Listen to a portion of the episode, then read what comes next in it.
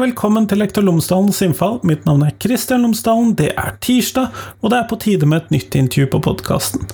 Denne gangen snakker jeg med Benedicte Bull, professor ved Universitetet i Oslo, og vi snakker om Latin-Amerika i dag. Vi snakker om demokrati, Norges rolle, Kinas rolle, vi snakker om Midtøsten. Vi snakker om ulike aspekter knyttet til Latin-Amerika i dag, og vi kommer selvfølgelig innom autoritære regimer og demokrati trender. Kanskje det er beste ordet vi kan bruke. Så vi snakker om Latin-Amerika i dag. Eh, dette har vært en del av podkasten tidligere også, i en av de første episodene, men vi tar opp tråden igjen her i dag, denne gangen med Benedicte Bull. Eller så er det jo sånn at uh, norsk skole handler veldig mye, eller har veldig mye innhold som handler om Nord-Amerika, eller da særlig USA, men Latin-Amerika, på linje med resten av det globale sør, havner veldig ofte i glemmeboken. Så her er kanskje et litt fagstoff som man trenger å vite som lærer eller som elev om Latin-Amerika i dag. Ellers er det sånn at denne podkasten er sponset av Fagbokflagget, og Fagbokflagget utgir bøker og digitale læremidler for hele utdanningsløpet. Fra barnehage via norsk for minoritetsspråklige til høyere utdanning og profesjonsstudier. Og visste du at Fagbokforlaget akkurat har kommet ut med en bok om for høyere utdanning om betydningen av å møtes, og at de nettopp kom ut med en bok om planlegging, undervisning og vurdering i samfunnsfag, for lærerne da, selvfølgelig. Eller at de nettopp har kommet ut med en helt ny naturfagserie for mellomtrinnet, for elevene altså. Og det er jo særlig nyttig med tanke på nye læreplaner så er det ikke sikkert at dette er akkurat de te temaene som er viktigst for deg, men hvis du går inn på fagbokflagget.no, så finner du læremidler for det aller meste, og fagbøker, selvfølgelig. Vi må jo holde oss oppdatert. Det er jo denne podkasten med på. Men nå, nå får du intervjuet med Benedicte, vær så god.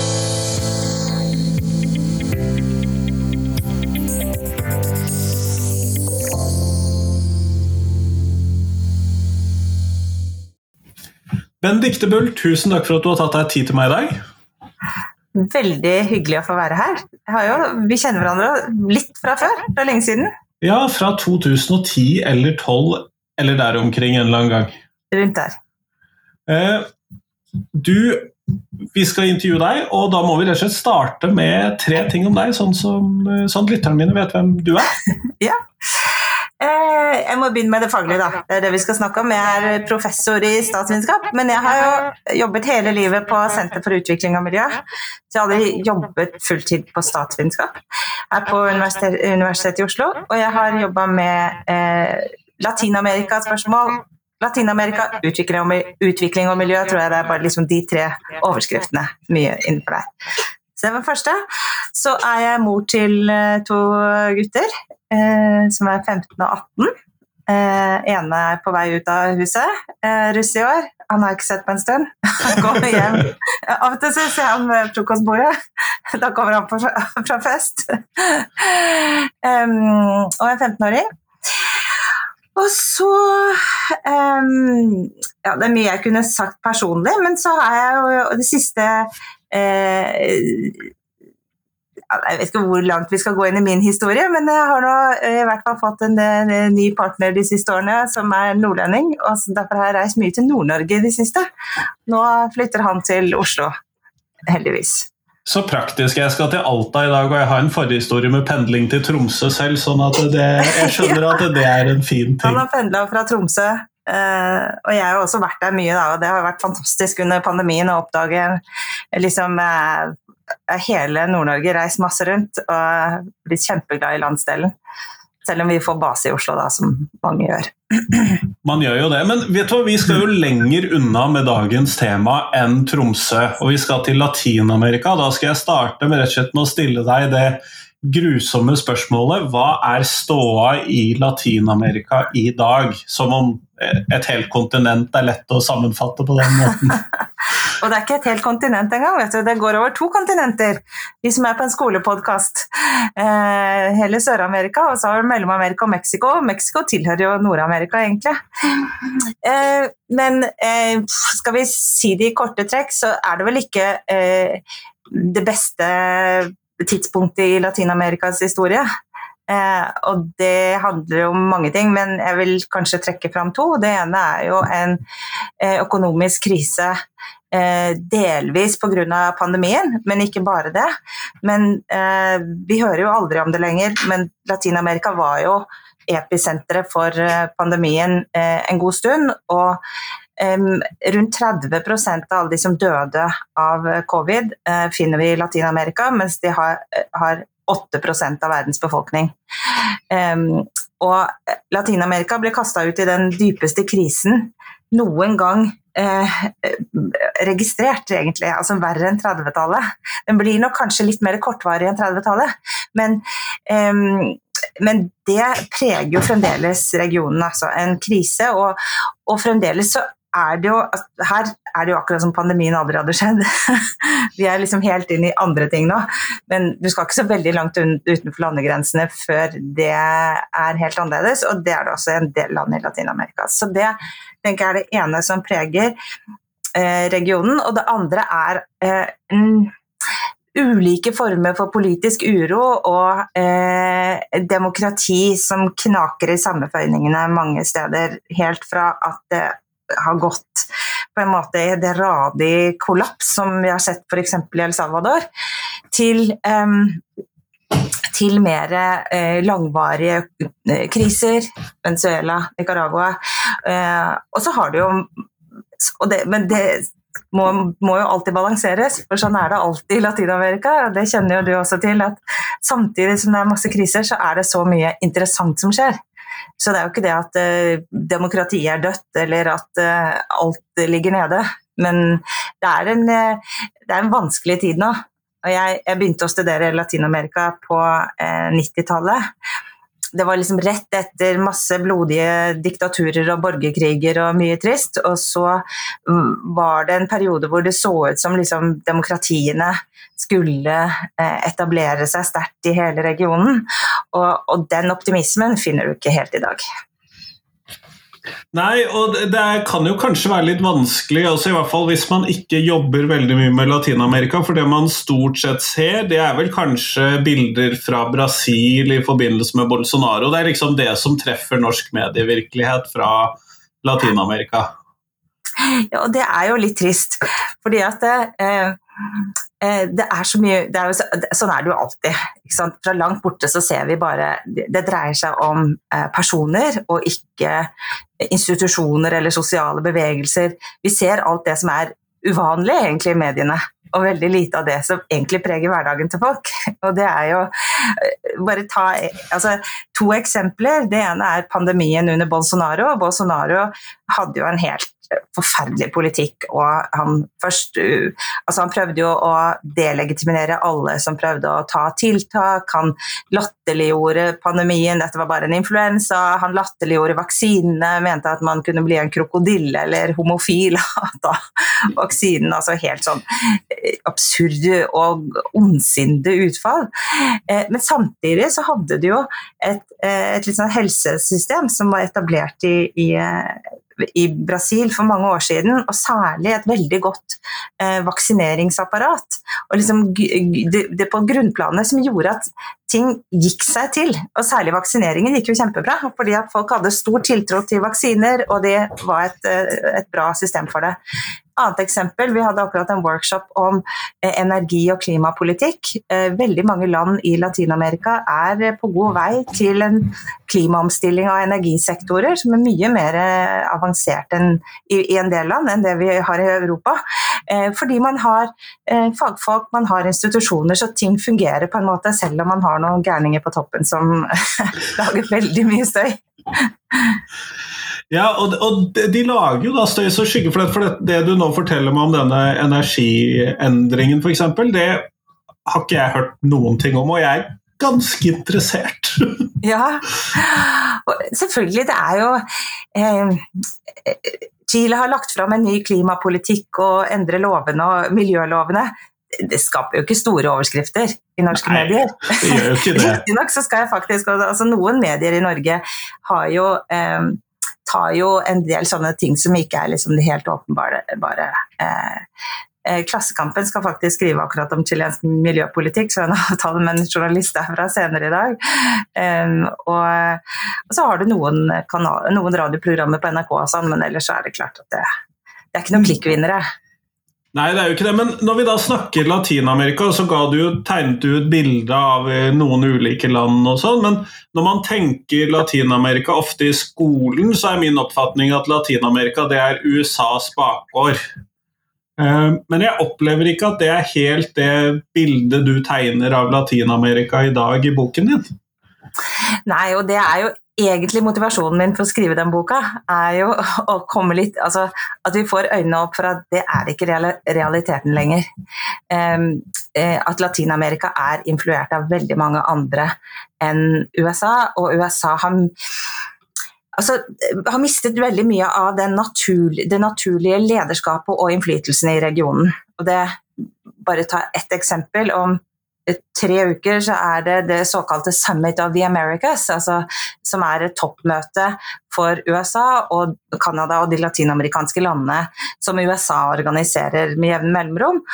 Og eh, det har vært et kaos nå, fordi USA prøver å ekskludere noen land de, fordi de ikke oppfyller deres demokratikrav, og da begynner andre å boikotte. Eh, fordi at folk er ikke så interessert i det lenger. De behøver ikke å følge USA. Eh, og, og, og da på en måte kollapser hele greia. Men de som da er kommet inn isteden Det er jo ikke det at det ikke er andre stormakter til stede. Eh, det er jo selvfølgelig Kina, eh, og også Russland. Og det har vi jo sett ganske tydelig det siste, selv om Russland betyr ikke så veldig mye økonomisk eh, i Latin-Amerika. Men det har vært en politisk allianse mellom Russland og en del latinamerikanske land. Og så har du også det um, uh, altså alt det jeg skriver om det i boka, føler jeg jo har fått veldig stor aktualitet de siste ukene etter, eh, og månedene etter invasjonen i Ukraina. fordi da har du sett at Latin-Amerika ikke følger Europa, ikke følger USA. Eh, eh, har ganske mange ulike linjer, vil jeg si. Noen noen har jo gått veldig langt i å støtte Russland. Eh, Venezuela, Cuba, Nicaragua. De fleste gjør ikke det, men de vil gjerne være nøytrale, de er pragmatiske, og de ser eh, hele tiden etter hva de kan egentlig få fordeler av. Og tenker at dette her er ikke, eh, dette, det er ikke vår krig, vi må passe på oss selv. Så USA har ikke oppnådd veldig mye med forsøk på verken presse Bolsonaro fra å dra til Russland og treffe Putin, som han gjorde bare uka før invasjonen i Ukraina, eller få dem med på sanksjoner. Eh, til og med altså, Colombia, som er supernær alliert av USA og er eh, Nato-partner og håper å bli Nato-medlem. De sa før, før, krigen at det ja, skulle bli invasjon, så skulle nå Colombia innføre sanksjoner. Ikke det at det hadde hatt noe særlig å si, men det handler jo mye om symbolikk her. Og de har ikke gjort det. Eh, så, så, det er veldig mange eh, Det er mange ulike trender. Eh, og så er det noen som jeg syns er litt positive, og noen som jeg syns er bekymringsfulle. Eh, mm. og det eh, altså, Det er nok mange land i Latin-Amerika nå som ønsker en mer såkalt multipolær verden. Det er et sånn fagbegrep som har vært brukt lenge, og egentlig lansert fra Russland, eh, for å beskrive en verden som ikke er styrt verken fra USA eller fra USA og Kina, eh, men har flere maktpunkter. Og det tenker jeg er jo eh, en bra tanke. Eh, det som ikke er så bra, er om en sånn multipolær verden i større grad aksepterer både diktaturer og eh, at man trår over grenser for statlig suverenitet, som man har gjort i Ukraina som bare den. Så, eh, så jeg tenker, Og det er vel en sånn veldig usikker situasjon nå, hvor Latin-Amerika eh, på et vis prøver å ta et skritt vekk fra, fra, fra USA, men samtidig er usikker på hvilken retning egentlig den såkalt multipolære verden skal ta. da. Nettopp, nettopp. Men hvis du kunne skissere noen sånne positive trender, da. For det, det er, ofte så blir det jo et fokus på det negative når vi kommer til Latin-Amerika. Så positive trender, hva, ser man? Uh, ja, altså er, Hvor skal jeg begynne? Det er masse, masse forskjellig som skjer i Latin-Amerika, og, og, mye er positivt. Um, jeg nevnte jo så vidt klimaomstilling. Det skjer faktisk i mange land. Uh, det er noen forferdelig kjipe unntak, som Mexico, som bare set, har satt seg skikkelig på bakbeina. Men Chile går virkelig foran der. Eh, og flere andre land, Uruguay, Costa Rica, er jo mye mer avansert enn det vi er. Eh, sånn eh, Hvis vi skal si eh, når det gjelder det som kalles verdispørsmål, jeg hater det ordet, fordi at verdier altså, blir... Men Vi skjønner ting som har med moral og etikk moral og, og livsførsel og sånn. Så er det jo så er det jo noen fryktelige tilbakeslag, men det er jo egentlig veldig mye positivt som skjer. Eh, og det skjer når det gjelder både rettigheter, altså kvinners rettigheter, eh, når det gjelder eh, ulike seksuelle minoriteters rettigheter, så skjer det egentlig ganske mye. Eh, vi har jo feira eh, i hvert fall sånn som, sånn som jeg, da. Det er, sikkert, det er jo ulike syn på dette her, men det begynner å bli en sånn eh, i hvert fall en ganske stor kritisk masse i Latin-Amerika som ser veldig strenge abortlover eh, som veldig kontraproduktivt. Eh, fordi at man ser at veldig strenge abortlover det fører ikke til færre aborter, det fører til store sosiale lidelser, altså store lidelser for kvinner. Det, fører, det, det, viderefører sosiale problemer, fordi det er jo gjerne fattige eh, unge jenter som får barn veldig tidlig, og det er liksom Er du tenåringsmor, i hvert fall tidlig tenår, så er det en gullbillett til et liv i fattigdom. Eh, så, og det begynner å bli en ganske stor forståelse for i mange land. Så du har jo sett endringer i abortlover i eh, Argentina. Eh, du har sett endringer i Mexico på mer sånn delstatslig nivå. Samme i Colombia så er det, så er det liberalisering. Og eh, jeg er ganske trygg på at du kommer til å se det i Chile. De holder på med en ny grunnlov eh, i Chile, og der er det ett av spørsmålene. Eh, om det blir en sånn fullstendig selvbestemt abort, det, det, vet jeg ikke helt, men at det blir en liberalisering, at det blir en humanisering på en måte av abortlovene.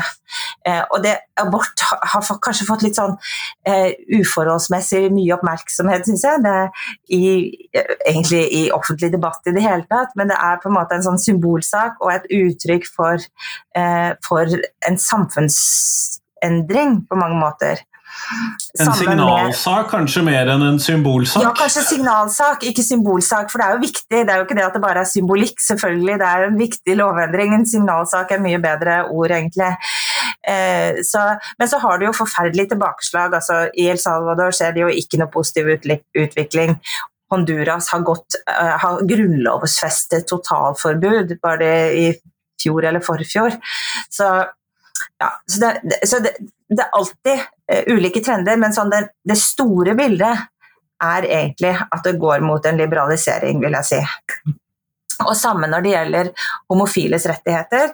Eh, der har det jo skjedd ganske mye, og gjerne, eh, interessant nok, så har det vært drevet fram ofte av eh, domstoler, altså rettsapparatet, som har funnet at, at eh, strenge Altså at det å å ikke gi homofile like rettigheter som, eh, som heterofile, er grunnlovsstridig, faktisk, egentlig i en del land. Så, så, der vil jeg også si det skjer noe. Og samtidig der så er det enkelte miljøer som er både erkekonservative og voldelig, vil jeg si. Og så har det vært en del sånn populistisk mobilisering rundt en sånn antihomofili som jeg har vanskeligheter med å forstå.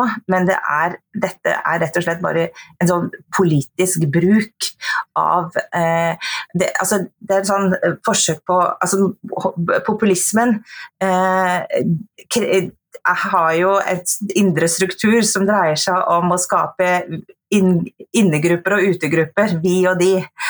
Og, eh, og, det har skjedd på mange plan. Det er liksom vi, de bras brasilianerne mot, eh, mot, de liberale elitene som bare er styrt utenfra, er jo én.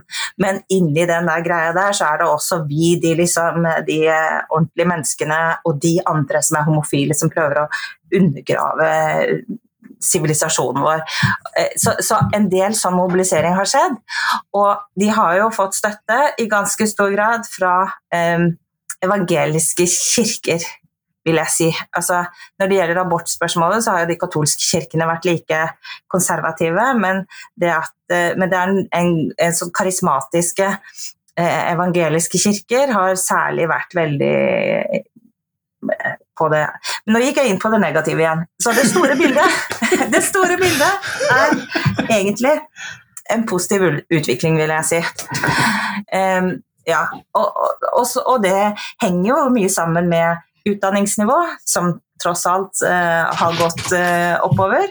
Eh, og særlig altså, Det er jo ikke noen sånne store forskjeller mellom kvinners utdanning og, og menns utdanning i, i Latin-Amerika. De er mye mer sånn begynner, altså, begynner, å nærme seg Europa og sånn når det gjelder det.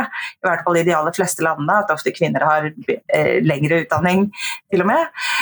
så Eh, så, eh, så, så man, man, ser jo i mange land at eh, eh, altså, På mange måter er jo Latin-Amerika, i hvert fall type mm, Argentina, Chile, Uruguay, eh, deler, av, eh, deler av Brasil, deler av Mexico har mer til felles med sånn søreuropeiske trender på en del ting enn en skal vi si Afrika eller et eller annet. Ja, nettopp. nettopp. Men eh, i skolen så er det jo veldig ofte, mistenker jeg, så er det Brasil og Mexico som får stor oppmerksomhet av de latinamerikanske landene eh, når man først kommer innom eh, Latin-Amerika. Og så vet jeg ikke helt hvor ofte vi gjør det, eh, men det har vi litt dårlig oversikt over.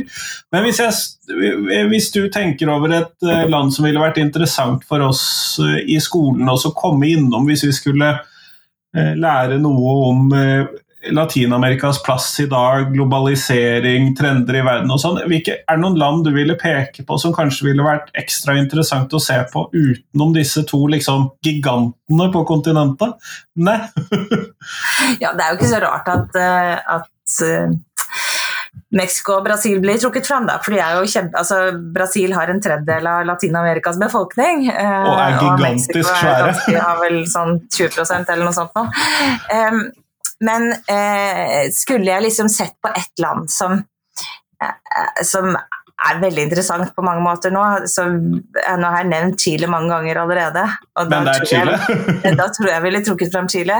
Altså, Chile har jo historiske bånd til Norge også. Sikkert noen i klasser rundt omkring som har eh, noen de kjenner som Eller foreldre til noen de kjenner som har eh, Eller besteforeldre som har koblinger til Chile.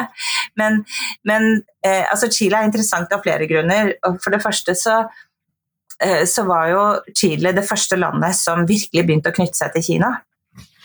Eh, det skjedde jo allerede på tidlig 2000-tall, hvor eh, altså Chile fikk en frihandelsavtale med Kina i 2005. Og allerede før det så hadde de på en måte en gjennomtenkt strategi for å knytte seg til Kina som et marked for, for chilensk ja, vin og laks og frukt og alt det vi, vi er vant til at Chile eksporterer. Um, men også som et på en måte eh, strategisk eh, port til Latin-Amerika. For Chile ligger jo der på vestkysten av Sør-Amerika, kjempelangt land, med, eh, og, og, og, ut mot Stillehavet. og så har de så har jo Chile også på en måte Chile syntetiserer veldig mange av de trendene jeg tenker vi finner i hele verden i dag. Altså, det var det første landet som virkelig gikk gjennom en sånn såkalt nyliberal omstilling med privatisering og liberalisering av skoleverket. Og, eh, altså, der har du jo virkelig de store eksperimentene når det gjelder privatisering av skoleverket. Og det er ingenting, det er ikke en oppskrift man bør følge. Men der har du jo også eh, eh, sterke bevegelser for å endre på dette her. Så husker kanskje noen at eh, Chile hadde eh, noen enorme eh, demonstrasjoner i slutten av 2019 og begynnelsen av 2020, egentlig helt fram til pandemien kom og la et lokk på de store demonstrasjonene. Og mange eh, tenkte at liksom, nå bryter hele det chilenske samfunnet sammen. Men det som skjedde, var at man kom sammen, klarte å komme til en avtale om at man skulle lage en ny grunnlov. Eh, og kaste ut den grunnloven som ble etablert under diktaturet, som er en veldig markedsorientert grunnlov. Bare ett lite sånn eksempel på å illustrere. Det er liksom vanskelig å si hva er en markedsorientert grunnlov. Den gir helt ekstreme rettigheter til de private og begrenser det offentlige spillerom, egentlig. Jeg var der i 2016. Jeg har bodd i Chile for mange år siden og har vært jevnlig tilbake. En liten stund siden nå. Men um, uh, i 2016 så var jeg der, og da var det et sånn jordskred i Nord-Chile pga. klimaendringer for øvrig, men det skal jeg komme tilbake til. Men da, eh, da var det en hel landsby som ble lagt under eh, leire, og eh, det manglet vann. Og så eh, begynte eh, det offentlige, jeg husker ikke helt hvem som organiserte på hvilket nivå, å dele ut vann eh, på flasker. Så ble det protester fra de private fordi det var konkurransedrivende. Og det hadde de faktisk grunn til, ifølge lovverket. Så altså det å dele ut vann i et katastrofeområde kan eh, De fikk fortsette med det, altså. Men bare det å stille det spørsmålet, det sier jo litt om hvor Det er ganske spesielt. Det er ganske spesielt at man begynner å tenke på hva som er konkurranse eh, for, eh, driv, fordreiende, heter det. Drivende. Konkurranse. Ja, ja. Nei, vi går for fordreiende, vi. Vel egentlig, men det er litt sånn klønete ord. Men i hvert fall så, så satte de seg ned og begynte å skrive grunnlov, og det har vært en lang og broket prosess, og det er ikke enkelt. Um, men, eh, men, nå begynner liksom noe, noen av resultatene av det å komme ut, som skisserer en, eh, en, en, skal, en total omstilling av Chile i forhold til eh, både, både eh, klimaomstilling og en sosial eh, transformasjon.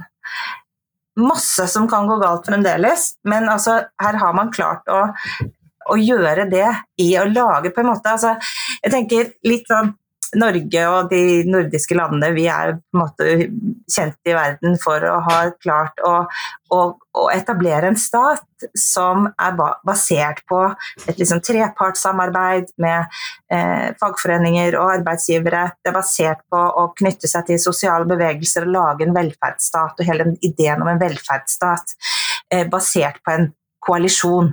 Eh, den har jo, har jo, vært en suksess på veldig mange fronter i mange år, men nå står vi overfor den utfordringen at vi skal ha en, en ny dimensjon i det, og det er miljødimensjonen. Og det er jo ikke like lett innenfor denne tankegangen. Men det Chile føler jeg går foran på, er å skape på en måte en sånn en grønn velferdsstat eh, i, ut, i utgangspunktet. Og så skal jeg ikke idyllisere det som skjer i Chile. Det er masse som kan gå galt. Det er masse, mange, mange som er misfornøyd. De er midt oppi en vannkrise, en eh, klimakrise egentlig. Altså, de er veldig påvirket av klimaendringer. Eh, det er tørke, det er vannkrise, det er masse greier.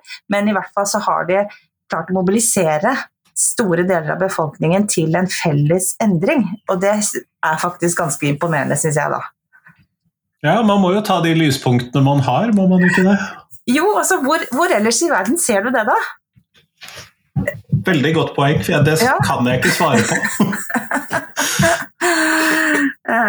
Men klima treffer med andre ord ganske hardt også i dette kontinentet?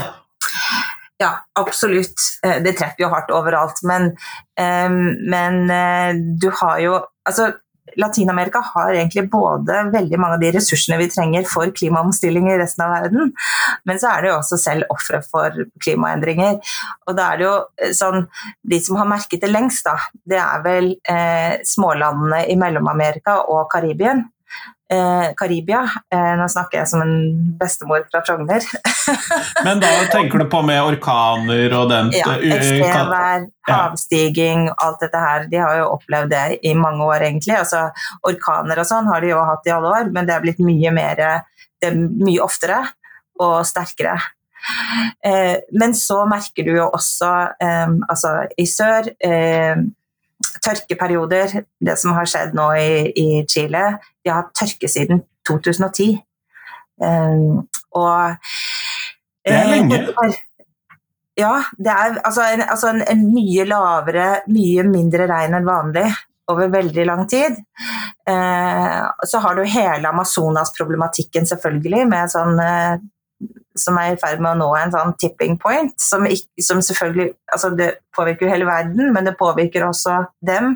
Du har hatt fenomenet med um, ja, altså Det er egentlig veldig mange, uh, på veldig mange måter, uh, smelting av, i, av uh, snø i de andinske fjellene er et kjempeproblem, ikke bare for livsgrunnlaget for, det, for de som bor der, men selvfølgelig for hele kloden, egentlig. Er, så, så eh, klimaendringer påvirker Latin-Amerika eh, masse. De har eh, liksom disse som jobber med klimaforskning, ser på liksom ulike sårbarheter. Da. Og mange av landene i Latin-Amerika tikker av på alle. Så du har kanskje ikke den samme sånn type sånn total altså um, Afrika vil jo bli veldig påvirket av global oppvarming og tørke og alt sånt også, så, så, så, det er jo ikke noe unikt for Latin-Amerika, men, uh, men, helt klart mange land som blir veldig påvirka. Nettopp. Det er jo ganske relevant innenfor dette bærekraftstemaet som har fått større plass i norsk skole, f.eks.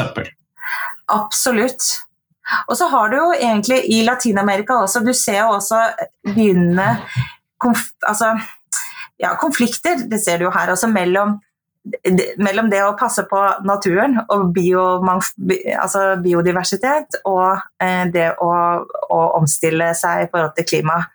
Eh, her har vi jo konflikter om vindkraft, eh, som da eh, går både på liksom, bruk av jord og bruk av andre ressurser. I Latin-Amerika så har du kanskje det enda mer, fordi Latin-Amerika sitter på veldig mange viktige Eh, sånn sjeldne eh, mineraler man trenger for, Nettopp, for, for, de kunne da overtatt for noen av de gruvene som vi i dag vet at er i Afrika eller i Kina eller lignende? Ja, altså, Man trenger sannsynligvis begge deler. altså Kobolt er mest i Afrika, man har også noe i Venezuela. Men eh, litium eh, 60% av verdens litiumressurser er i Latin-Amerika i såkalte litiumtriangelet som går mellom Argentina, Chile og Bolivia. Eh, 40% av verdens kobberressurser. Kobber er veldig viktig i mye av som av infrastrukturen for fornybar energi. Eh, og litium vet vi å brukes i batterier. Eh, så de sitter på veldig mange viktige ressurser. Noe av det, noen av dem finnes også i andre land. Men ikke alle. altså Litium er jo helt unikt. Eh, altså De enorme litiumressursene som vi sitter på der, er unike. Så, eh, men, det, eh, men, litium krever masse vann for å utvinnes. Som de da så, ikke har? Ja, i hvert fall i Nord-Chile. Og, og, Argentina og Bolivia de har, er ikke samme krisa som Chile, men det også begynner å bli en, en hva, skal, hva, kalles det, ikke en marginal ressurs, men en, en, altså det er en svært begrenset ressurs. Så, eh, så, det er jo noe som kan tyde på at eh, det kan bli flere miljøkonflikter etter hvert.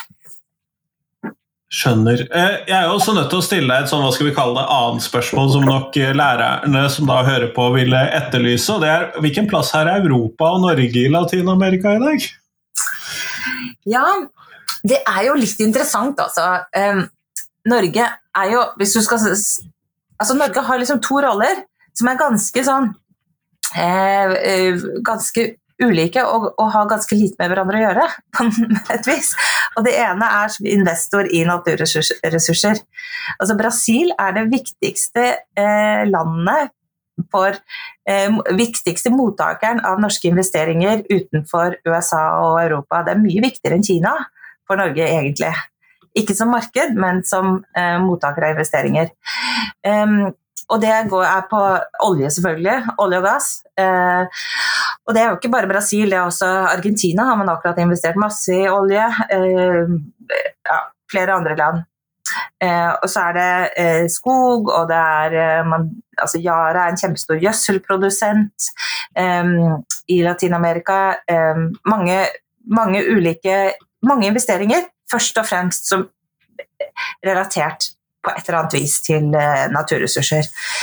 Um, Eh, men så har vi også hatt en sånn rolle som, eh, som en forkjemper for menneskerettigheter eh, for, og, og, miljø. Eh, så sånn sett, så det var litt feil jeg sa innledningsvis. Vi har, altså, vi har et stort skoginitiativ. Eh, både i Brasil, eh, men også i Colombia, en avtale med Peru, Guyana, bitte lite knerteland på, eh, eh, på østkysten av, eh, nordøstkysten av Latin-Amerika. Det har vi. Det, men vi har hatt en sånn rolle som forkjemper for urfolksrettigheter og menneskerettigheter, som også har gått over i et sånn fredsengasjement. Eh, først i Guatemala på 90-tallet, og så kom Colombia. Som man egentlig bygget opp over mange år, men var deltaker, eller tilrettelegger for fredssamtalene eh, mellom eh, FARC-geriljaen og regjeringen i Colombia mellom 2012 og 2016. Og så, eh, som er på en måte litt sånn eh, oppfølger av det på mange måter, så har man også prøvd å tilrettelegge for samtaler mellom regjeringen og opposisjonen i eh, Venezuela det har man jo ikke hatt så stor suksess med. Eh, jeg kommer rett fra et møte i London akkurat om det. Eh, om hvordan å få samtalene på gang igjen. Men Norge har liksom laget seg en sånn liten nisje der. Som en sånn veldig nøytral tilrettelegger som prater med alle, og som eh, kan ja, egentlig bidra med det er litt mer enn å bare betale hoteller og konferanselokaler og servere kaffe de gjør, men, eh, og ta kopier. Eh, men man vil heller ikke liksom påvirke, man vil være en nøytral tilrettelegger. Og det har, det har, på en måte vært en, en liten, men viktig rolle eh, i en del eh, sammenhenger, vil jeg si. Men altså, jeg savner jo at Norge tar bitte litt mer er litt mer aktiv og engasjert. fordi eh, Latin-Amerika havner jo ganske langt ned på prioriteringslista veldig ofte. Vi har jo ikke noen sånn Latin-Amerika-politikk, eh, egentlig. Det er eh, et og annet lite initiativ her og der nå, men akkurat nå er det jo helt i skyggen av mange andre ting. Eh, og det er også veldig tydelig altså, når du når møter folk eh, andre steder i Europa, eh, USA, eh, så er det på en måte Det er jo EU med Spania i spissen, vil jeg si, eh, som, eh, som, prøver å tale Europas sak. mens Og så har du et USA som er liksom halvveis pålogga. Bare halvveis. Da har du kineserne som jobber jevnt og trutt med sine langsiktige planer, som de, de deltar i multilaterale, er, altså internasjonale organisasjoner og sånn, men de er veldig low-key. Eh, de foretrekker jo alltid å bare å, å, å inngå bilaterale avtaler og, og holde på med sitt. Og et Russland da, som heller ikke er noe sånn veldig samarbeidsorientert, og det var de heller ikke før eh, invasjonen i Ukraina, vil jeg si. Så det, um. Det er et ganske delt bilde, da, skjønner jeg. Det er et ganske delt bilde, ja. Men Kjempeflott, Benedicte. Vi går mot slutten av denne podkastepisoden, og da skal jeg stille deg det ikke mindre spørsmålet som jeg pleier å stille alle jeg intervjuer. Og hva er de tre viktigste tingene skolen lærer elevene? Oi, oi, oi. Ja, nå får jeg ikke noe tid til å tenke, så da tar jeg det første som faller meg inn. Nå har jeg jo to gutter selv. Som, eh, og jeg har så mye jeg godt kunne tenke meg å diskutere med skolefolk etter å ha vært mor. det, tror jeg mange foreldre føler på. Det er litt teit å ta opp kampen da. Men um, eh, altså skolen eh, lærer jo elevene å eh, forholde seg til andre, andre, altså det sosiale aspektet. Har jeg tid til en knøttliten anekdote? Det har du. Ja. Jeg bodde jo i Chile, Chile da, var, da var han eldste sønnen vår eh, tre år. Eh, og han skulle gå i barnehage. Eh, og det var jo, altså, Da konkurrerte disse barnehagene om hvor mye de skulle lære denne stakkars ungen. Vi håpet jo bare han skulle lære seg litt spansk, og, men det var de skulle lære ham tysk og data og jeg vet ikke hva. Og så eh, tok vi den barnehagen som lovte å lære ham minst. Og da han kom dit, så ble han satt som Altså Barna ble satt liksom på rekke og rad, og, og, og disse barnehagetantene snakket til dem. De lærte ikke å, og, eh, og, omgås hverandre. Eh, mens i barnehagen hjemme så ble de liksom satt på gulvet, og så satt de voksne og observerte. Eh, de små er ikke satt på gulvet, de kunne jo gå. Men, eh, og det jeg tenker av det viktigste skolen lærer, eh, lærer, oss, er å rett og slett forholde oss til andre eh, på, en, på, en, god måte. Eh, det, det, altså der, det sosiale aspektet ved skolen tror jeg egentlig er ekstremt viktig. Um, eh, ja, altså liksom, Hva lærte skolen meg, og hva lærte skolen eh, de barna mine? Det, det, det, er så forskjellig. Det syns jeg er veldig liksom, vanskelig å forholde seg til. Men eh, eh, Altså, jeg syns jo det er viktig at skolen lærer, eh, lærer eh, um, lærer barna eller eh, ungdommene å tenke kritisk. Og det syns jeg jo faktisk at det norske skolesystemet er ganske flinke på. i forhold til, Jeg har masse studenter, også utenlandske studenter. og Jeg merker en forskjell der at norske studenter er vant til å tenke liksom kritisk. Vant til å ta, ta og, og, absorbere informasjon og, og fordøye, vurdere og tenke kritisk. Det lærer skolen. Um, så det var nummer to. Eh, Tenke kritisk og å omgås hverandre, to gode ja. punkter.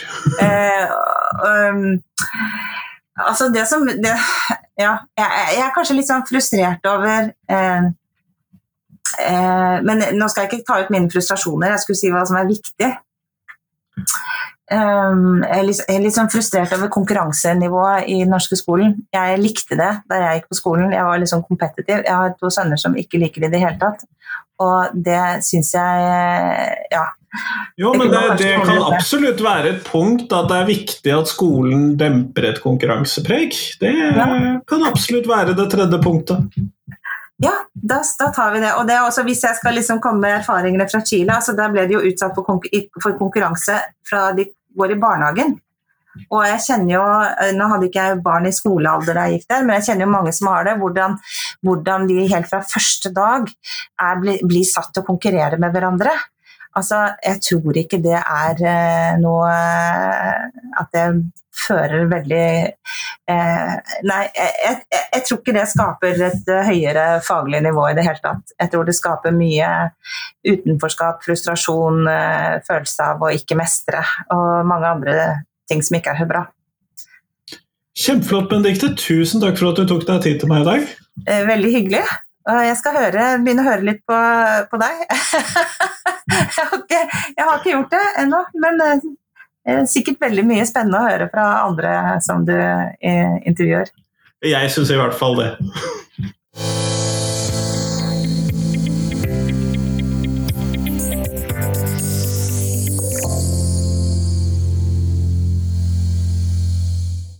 Tusen takk til Benedicte, og tusen takk til deg som har hørt på. Nå er det fram til fredag, så kommer det en reprise på podkasten.